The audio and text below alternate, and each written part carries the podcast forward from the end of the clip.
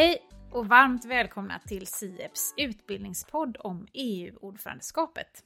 En utbildningspodd för dig som vill veta mer om hur ett ordförandeskap i EU går till och vad ett ordförandeskap i EU innebär.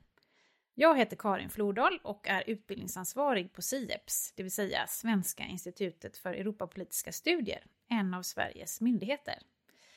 Och utöver att ta fram forskningsbaserade analyser av aktuell EU-politik för beslutsfattare på olika nivåer så har vi också ett uppdrag att ta fram relevanta EU-utbildningar och som ett led i det här arbetet så har vi dragit igång en utbildningspodd. Tillsammans med olika gäster så kommer jag att ta upp olika aspekter av ordförandeskapet som vi tror att ni vill och behöver veta mer om.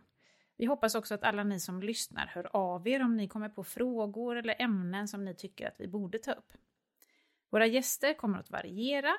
Förhoppningsvis kommer de komma från flera stycken från just SIEPS och vara kollegor med mig, men jag hoppas också att vi kommer få med representanter från andra myndigheter, från kommuner, regioner, regeringskansliet med flera. Och om vi ska säga någonting om vilka vi har haft i åtanke när vi har klurat på den här podden så tänkte jag först och främst klargöra att alla som vill naturligtvis är välkomna att lyssna. Men de vi i första hand hade i åtanke är tjänstepersoner på myndigheter men också i kommuner och regioner och det kan naturligtvis också vara förtroendevalda på olika beslutsnivåer. Och vi valde att starta just en podd som ett komplement till vårt övriga utbildningsombud för att vi via olika undersökningar och diskussioner med myndigheter har förstått att Eh, många som jobbar med EU-frågor dagligdags, de har ganska bra koll på vad som kommer hända. Men sen finns det också ett stort gäng andra anställda som inte är så involverade i EU-arbetet men som är intresserade av att veta mer om vad som ska hända nu. Och då tänkte vi att då ska vi fånga momentum och helt enkelt öka kunskapen om EU. Och, del, och på så sätt också öka delaktigheten i det svenska EU-arbetet. Och med det så tänkte jag att vi skulle slänga oss över dagens och poddens första gäst. Varmt välkommen Louise Bengtsson. Tack så mycket. Du är ju forskare i statsvetenskap här på SIEPS. Ja, det stämmer. Och då tänkte jag så här att jag ska faktiskt ställa en, eh, en fråga, en och samma fråga till alla våra gäster.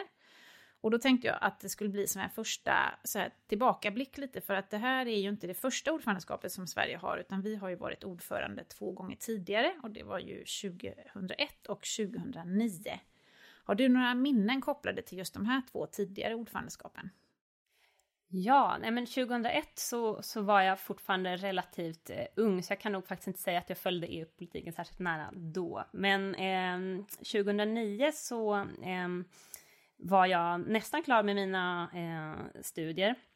Och eh, jag kommer ihåg eh, just de här eh, slipsarna framförallt från, mm. Eh, från det svenska ordförandeskapet som, eh, som alla var på jakt efter och som, eh, som cirkulerade.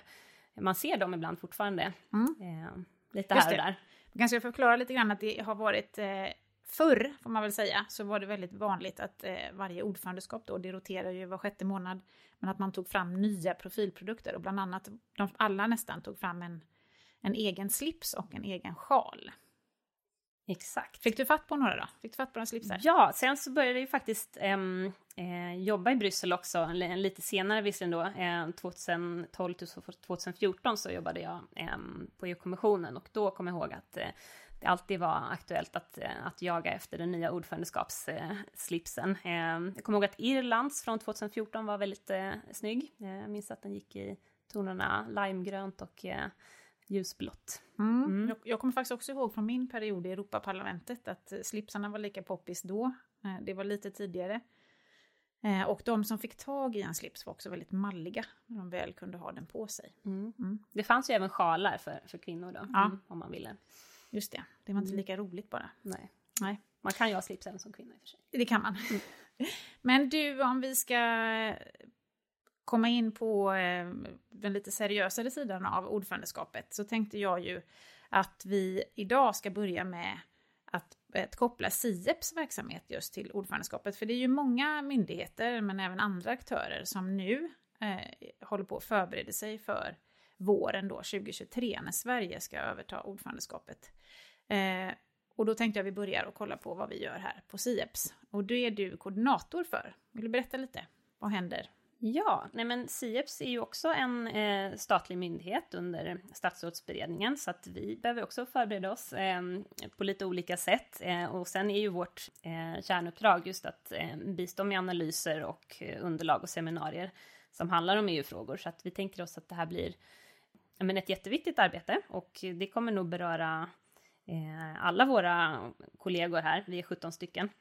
Eh, och eh, här sitter ju både forskare som, som har specifika sakkunskaper inom vissa delar av EU-politiken. Eh, och eh, vi har jurister som, som ehm, har forskat kring EU-institutionernas roll och ehm, eh, rättsliga aspekter och så vidare. Så vi tänker att det finns både massor att göra vad gäller liksom det generella kring ordförandeskapets roll och hur det kommer se ut för, för Sverige och i EU och för EU i, i Sverige. Men även eh, olika tillfällen då lyfta fram just frågor på, på särskilda sakpolitiska områden. Och där kan man få jobba lite mer ad hoc. Det kan också uppkomma frågor som man inte har föreställt sig kanske ska figurera på, på dagordningen. Mm. Mm. Och då är det helt enkelt ditt uppdrag att samordna oss alla på SIEPS så att vi går och strävar lite åt samma riktning. Ja, jag tänker mig det. Det får väl utkristallisera sig lite här efterhand, men det kan ju vara bra att någon håller i alla trådar. Eh, vi kommer ju säkert ha nedslag då både, både före ordförandeskapet eh, men också under och även efter när det blir en hel del tillfällen att analysera hur det faktiskt gick så att säga. Och om man då ska se lite grann mm. på SIEPs roll som myndighet, varför är det viktigt eh, att just vi ägnar oss åt det här med ordförandeskapet? Eh, hur, hur kan vi bidra? Mm. Nej, men det är ju eh, ett jätteviktigt tillfälle tycker vi här på SIEPS att eh, ägna det här halvåret och även upptakten inför ordförandeskapet till att faktiskt fokusera lite på, eh, på EU-frågorna. Och precis som under valen till eh, EU-parlamentet så brukar det bli lite mer livad eh, debatt. Och, även i Sverige. Så vi hoppas att eh, vi kan bidra på ett pedagogiskt sätt och liksom kanske höja kunskapsnivån, eh, både liksom gentemot myndigheter men även journalister och, och beslutsfattare och, och tjänstemän som berörs av ordförandeskapet. Så det är väl, det är väl vår tanke. Det är ju tyvärr så att vi i Sverige inte alltid har eh, jättebra koll på, på EUs eh, beslutsprocess och institutioner och eh, Sveriges möjligheter att påverka. Så där tror jag att det finns en, en jätteviktig uppgift. Så hela Sieps mm. är med och fångar momentum kan man säga? Ja, vi kraftsamlar. Ja. Och då tänker jag lite så här att eh, ordförandeskap äger ju rum hela tiden, varje halvår. Nu är det Frankrike som har det. Och så har vi Tjeckien till hösten, innan Sverige kliver på då i januari 2023. Eh, så att man kan ju tänka sig att hittill, att eh, Sieps har ägnat sig åt att titta på ordförandeskapsfrågan utifrån andra perspektiv och tidigare. Eh, kan du nämna någonting om, om det? Mm. Ja men absolut. Eh, och vi ska nämna i det här sammanhanget också de här utbildningarna som vi har kring ordförandeskapet som, som du håller i Karin. De har ju varit jättepopulära, eller hur? Mm. Mm. Måste bara, Stort intresse. Ja. Ähm, Nya utbildningar får man, vi kanske ska säga mm. någonting om det. det. Vi har ju två utbildningar faktiskt, eh, att förbereda myndigheter primärt då. Eh, både en längre, lite fördjupad halvdagsutbildning men sen också en föreläsningsvariant för, för olika typer av målgrupper som vi också upptäckt att myndigheter har behov av. Mm. Att rikta utbildningarna till olika målgrupper. Mm. Mm. Som handlar just om, eh, om ordförandeskapet också. Ja. Eh, men vad gäller då publikationer och seminarier så har vi gjort en hel del redan faktiskt. Det kom en eh, analys från en forskare som är affilierad med universitetet i Gent som just skrev om eh, det roterande ordförandeskapets roll, eh, som ju då visserligen har, har blivit lite mindre sen Lissabonfördraget trädde i kraft eftersom vi har fått Europeiska rådet som en egen institution med en permanent ordförande och så vidare. Men hon tittar då på, på rollen ehm, eh, för det roterande ordförandeskapet i, i lagstiftningsarbetet och som, som medlare mellan medlemsstaterna och också gentemot kommissionen och eh, parlamentet. Eh, och sen så har eh, en annan forskare eh, som vi har samarbetat med, med vid, vid eh, universitetet Sciences Po i Paris skrivit en speciell analys kring det franska ordförandeskapet eh, som fortfarande pågår.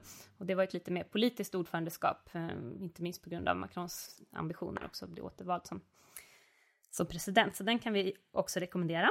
Eh, och sen så har vi en forskare hos oss som heter Mats Engström som är senior rådgivare också och han ehm, har skrivit en analys specifikt eh, kring ehm, miljö och klimatområdet och hur ordförandeskap, eh, hur ordförandeskapet kan sätta agendan på, på ett specifikt område. Det är ju så att en väldigt stor del av det som faktiskt sker under ett ordförandeskap är ju ändå relaterat till pågående processer som eh, så att säga förhandlas och redan ligger på, på, på bordet. Men, men eh, det här utrymmet att, att sätta agendan finns också. Mm. Mm. Och då måste vi passa på att nämna att de här publikationerna som Louise nu har berättat om, de kan man alla hitta på vår hemsida www.sieps.se. Och där kan man hitta mycket annat också. Och sen tänker jag också att mycket av det vi har pratat om nu, vi har nämnt lite grann om det här med att det är nytt i Lissabonfördraget att vi har en roterande ordförandeskap. Eh, vi pratade om Mats Engström som är en av våra forskare. Eh, vi kommer återkomma till flera av de här sakerna. Eh, vad ett ordförandeskap innebär är någonting vi kommer ta upp i avsnitt nummer två. Och Mats Engström hoppas vi får med i ett avsnitt efter sommaren. Men du, eh, om vi nu då har tittat lite grann på vad Sieps har gjort hittills, kan vi avslöja någonting om vad vi planerar framöver? Ja, det som vi sitter och filar på nu är mm, lite då vad som kommer hända i höst eh, från vårt håll. Och jag nämnde att vi kanske kommer jobba eh, lite i två spår. Ett där, där vi fokuserar just på rollen som ordförande för Sverige. Och eh, där ser vi att vi också kan vända oss till en eh, internationell eh, publik eftersom blickarna riktas ändå liksom i viss mån mot, mot Sverige. Så vi kommer ta fram en, eh, en analys där vi tittar på de fem prioriteringar som eh, Hans Dahlgren, vår EU-minister, har presenterat. Eh, och eh, kanske koppla det till hur EU-politiken görs i Sverige, Sveriges roll i EU-samarbetet, vår syn på EU och så vidare. Jag tror vi kan vara intressant för en internationell publik. Så den kan ni hålla utkik efter i höst. Eh, som även kommer lanseras i samband med någon form av, något form av seminarium. Mm. Kul! Mm. Men du, du nämnde lite tidigare också att någonting man eh, måste vara beredd på när man är ordförandeland, det är det oförutsedda. Eh, till exempel så har ju de senaste ordförandeskapen fått ta itu med en rad olika kriser, bland annat en, en pandemi och nu har vi ett krig. Och vi hoppas ju naturligtvis att det svenska ordförandeskapet ska slippa kriser av den här storleken, men, men det händer ändå saker och eh, vi, tänker vi också i de här banorna, håller vi också på för liksom förbereder oss för oförutsedda händelser. Mm, nej men det, det hoppas jag och det är väl det intrycket vi får eh, av ehm, eh, våra eh, kontakter som, som eh, just arbetar med att förbereda ordförandeskapet från, från regeringens sida. Ehm, men det är ju som sagt svårt att förutspå. Det viktiga är väl att man har tillräckligt med resurser och personal och eh, flexibilitet att kunna ställa om och ehm, ja, möblera om i dagordningen helt enkelt när någonting uppkommer. Vi såg pandemin var väl ett, ett eh, alldeles um, väldigt tydligt exempel på, på det här. Mm. Och även vi som myndighet, kommer vi att vara flexibla tror du? Och kunna, preppar vi för det? Att kunna slänga om vår dagordning för att anpassa oss till verkligheten? Ja, men det, det tror jag. Eh, vi pratat lite om att eh, det, är svårt, det är svårt att förutspå någonting i analyser så att vi, vi vill inte heller planera allting i förväg utan just vara beredda och kanske ta eh, vissa, eh, vissa debatter och göra vissa inlägg lite mer eh, ad hoc. Mm. Vara på tårna helt enkelt. Mm. Varmt tack Louise för att du var med här idag i poddens första avsnitt. Nu eh, tänkte jag också att jag skulle nämna för alla er som lyssnar att ni naturligtvis gärna får höra av er till mig om ni har kommit på frågor eller ämnen som vi borde ta upp i kommande avsnitt. För för er som vill fortsätta lyssna så kan jag redan nu avslöja att vi planerar att släppa ett avsnitt i veckan efter sommaren. Min mejladress är karin.flordal.sieps.se www.skolverket.se. Tack för idag och på snart återhörande.